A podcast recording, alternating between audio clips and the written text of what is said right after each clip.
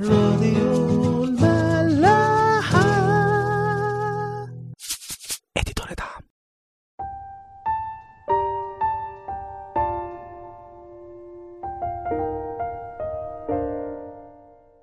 أهلا بيكم في حلقة جديدة من عيش وملح.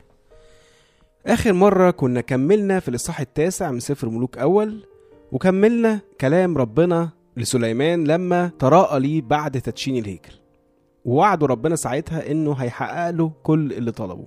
بس بشرط إن هو كمان وكل الشعب لازم يحفظوا وصايا ربنا إنما لو سابوه وعبدوا آلهة تانية ربنا هيسيبهم وهيكونوا هزءة في جميع الشعوب. والبيت أو الهيكل اللي كان سبب مجد ليهم هيبقى سبب للعار. وعبرة لكل الناس يتعلموا منه إزاي إنه اللي يسيب ربنا ويعبد آلهة تانية بيبقى زي الأرض دي أو البيت ده مهجور ومتهدم. وملوش أي لازمة. زيه زي أي حد بيختار يبعد عن ربنا. طبعا هو عنده الحرية بس ربنا دايما برضو يحذرنا من تبعية الخطية. مهما كانت مغرية وممتعة في ساعتها إنما آخرتها دايما زي ما بيقولوا كده موت وخراب ديار. باقي الإصحاح بقى بيتكلم عن تعاملات سليمان الاقتصادية مع حرام ملك سور ويقول لنا إنه أهداله 20 مدينة غالبا مكافأة ليه على كل اللي عمله معاه وقت بنى الهيكل. بس يقول لنا لسبب ما المدن دي ما عجبتش حيرام قوي. غالبا بسبب إنها مدن زراعية وشعب لبنان كانوا متعودين أكتر على المدن اللي على البحر عشان التجارة وكده. ويقول لنا بعدها ان سليمان اخذ من حرام حوالي 120 وزن الذهب وده مبلغ كبير طبعا وهيحمل على الشعب وهيتسبب في مشاكل بعدين. بس بلا شك برضو إن عهد سليمان ولا جه ولا هيجي زيه كمجد أو غنى أو سلام في إسرائيل كلها. وبيكمل بقى باقي الإصحاح في لمحات عن إنجازات سليمان في الوقت ده لدرجة إنه غير الحصون والمدن اللي بناها سليمان هنلاقيه في الآخر بنى سفينة. ودي كانت حاجة غريبة جدا على شعب إسرائيل. وراح استعان ببحارة من حرام بما إنهم واخدين على السفر وكده وراحوا حتة اسمها أوفير وجابوا منها خير كتير جدا لسليمان ولشعب إسرائيل. وبينتهي الإصحاح التاسع على كده. الإصحاح العاشر في رأيي هو قمة المجد بتاع سليمان واللي فيه لقاء من أشهر اللقاءات لسليمان في التاريخ هي زيارة ملكة سبأ لسليمان. ومملكة سبأ بيتقال عليها كلام كتير إنها في الحبشة أو إنها في الهند بس أقوى تفسير من شكل الهدايا وإنهم كانوا جايين على جمال إنها في مكان اليمن دلوقتي.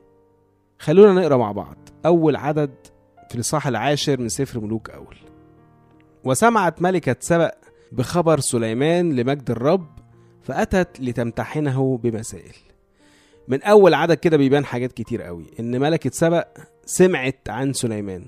بس يقول لنا كلمة كده إنه مش سمعت بس لأ سمعت لمجد الرب.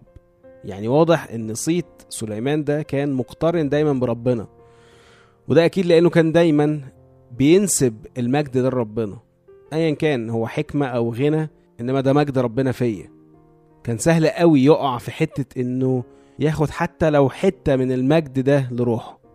ويقول أيوه ربنا إداني حكمة بس أنا استغلتها وكبرتها. أو إداني غنى بس أنا استثمرته. والكلام ده بقى كتير قوي حوالينا دلوقتي.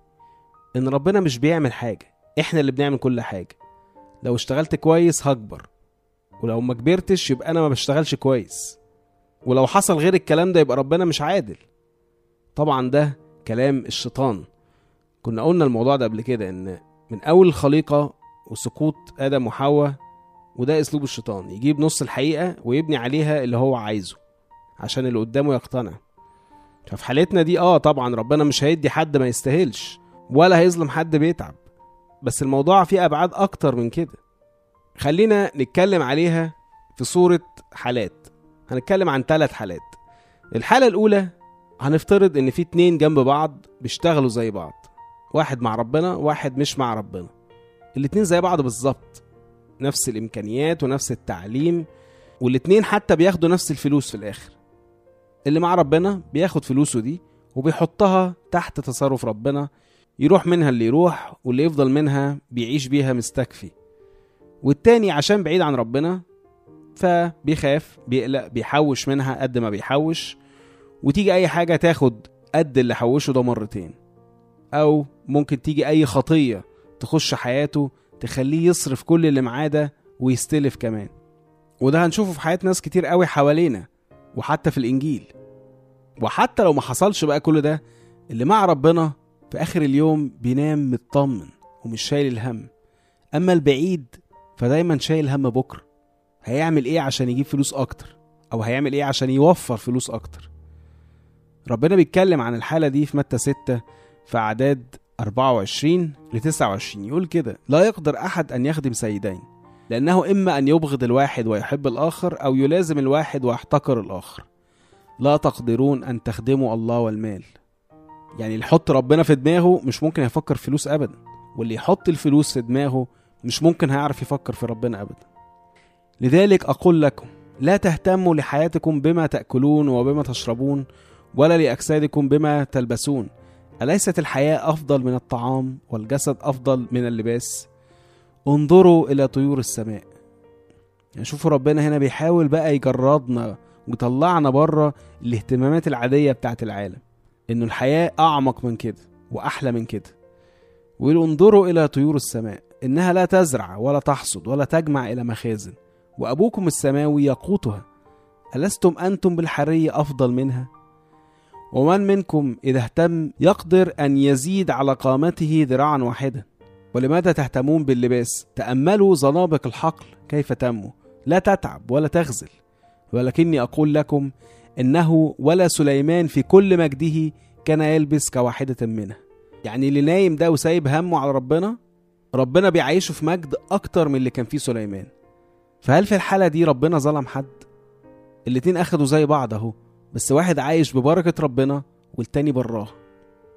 فدي الحالة الأولى. الحالة التانية بقى واحد مع ربنا قوي بس ملطشة معاه. مهما تعب مش قادر يبقى زي نص اللي بيتعبوا وكمان بعاد عن ربنا لدرجة إنه في نظر كل الناس هو فاشل. بس بقى في عينين ربنا هو ناجح سواء هو عارف ده أو لأ إنما عشان ربنا معاه فهو ناجح. ودي لو نفتكر كانت حالة يوسف ابن يعقوب.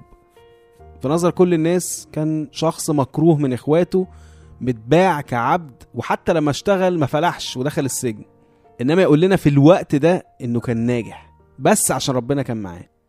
سيبكوا بقى من اللي حصل في آخر القصة وإنه بقى ماسك كل مصر وتاني راجل بعد فرعون. ممكن ده يحصل أو ما يحصلش بالشكل ده.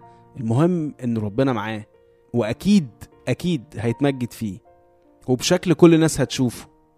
فهنا هل ربنا ظلم الشخص ده؟ طبعا لأ. ده رباه وكبره عشان هو ابنه. وفي الآخر اداله مجد مش ممكن ياخده غير ابن ربنا برضه. في عبرانيين 12 بولس يقول لنا كده في أعداد خمسة لتسعة.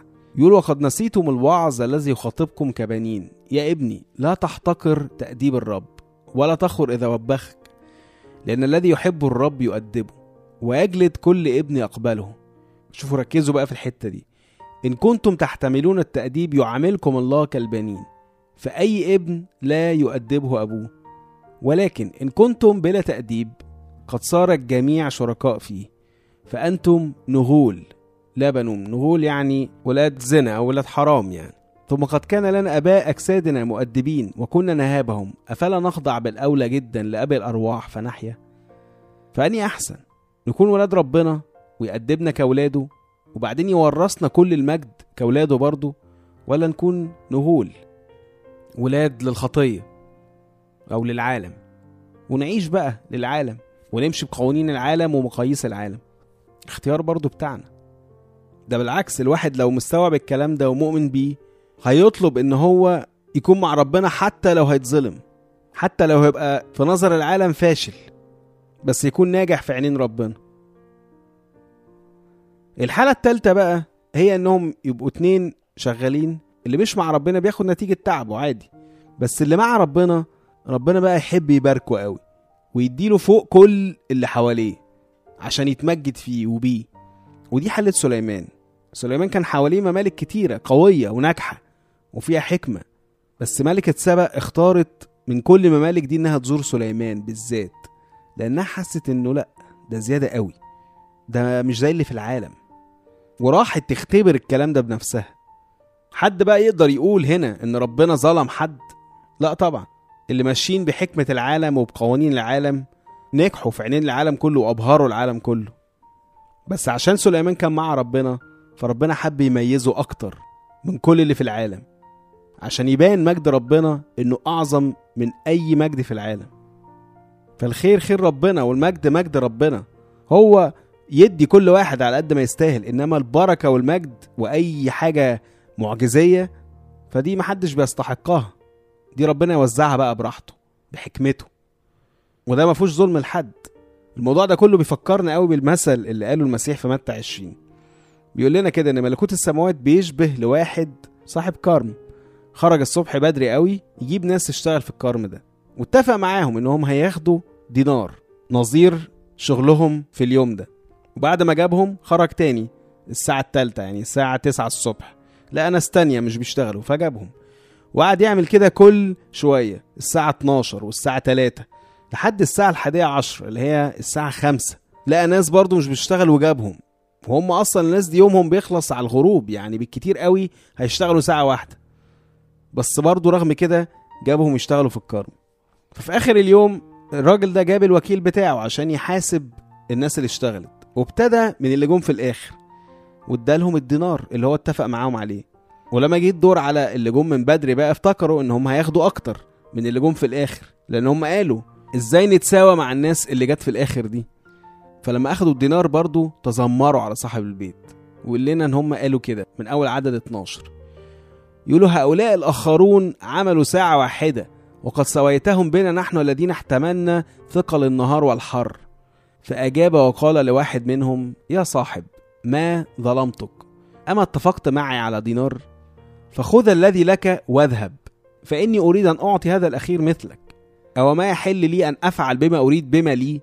أم عينك شريرة لأني أنا صالح؟ هكذا يكون الآخرون أولين والأولون آخرين لأن كثيرين يدعون وقليلون ينتخبون. فشفتوا إزاي بقى الموضوع كبير وليه أبعاد كتيرة وأعمق بكتير قوي من اللي بيتقال في العالم؟ سليمان بقى كان مستوعب كل ده طبعا وعارف إنه ملوش أي دخل بكل اللي عنده ده. وعشان كده إدى كل المجد لربنا. وبقى سبب إن كل الناس تشوف المجد ده وتتكلم عنه وتيجي تختبره. ملكة سبق ما جاتش سياحة يعني تتفرج على الغنى بتاع سليمان وتمشي إنما جت تختبر الحكمة دي يقول لنا جت تمتحنه بمسائل. عشان ساعتها هيبان بجد هو من ربنا ولا فالصو سيبكوا يا جماعة من الأفكار اللي في العالم دي. مصدقوا قوي في الإيمان اللي عندكم ده الإيمان البسيط اللي ربنا حطه جوا كل واحد فينا. إن ربنا ده أبويا وعارف مصلحتي. وهيديني خير في الوقت اللي هو شايفه وهيأدبني في الوقت اللي هو شايفه برضه. بس في جميع الأحوال أنا مطمن عشان أنا معاه وطالما أنا معاه أبقى أنا ناجح أيا كان العالم شايف إيه.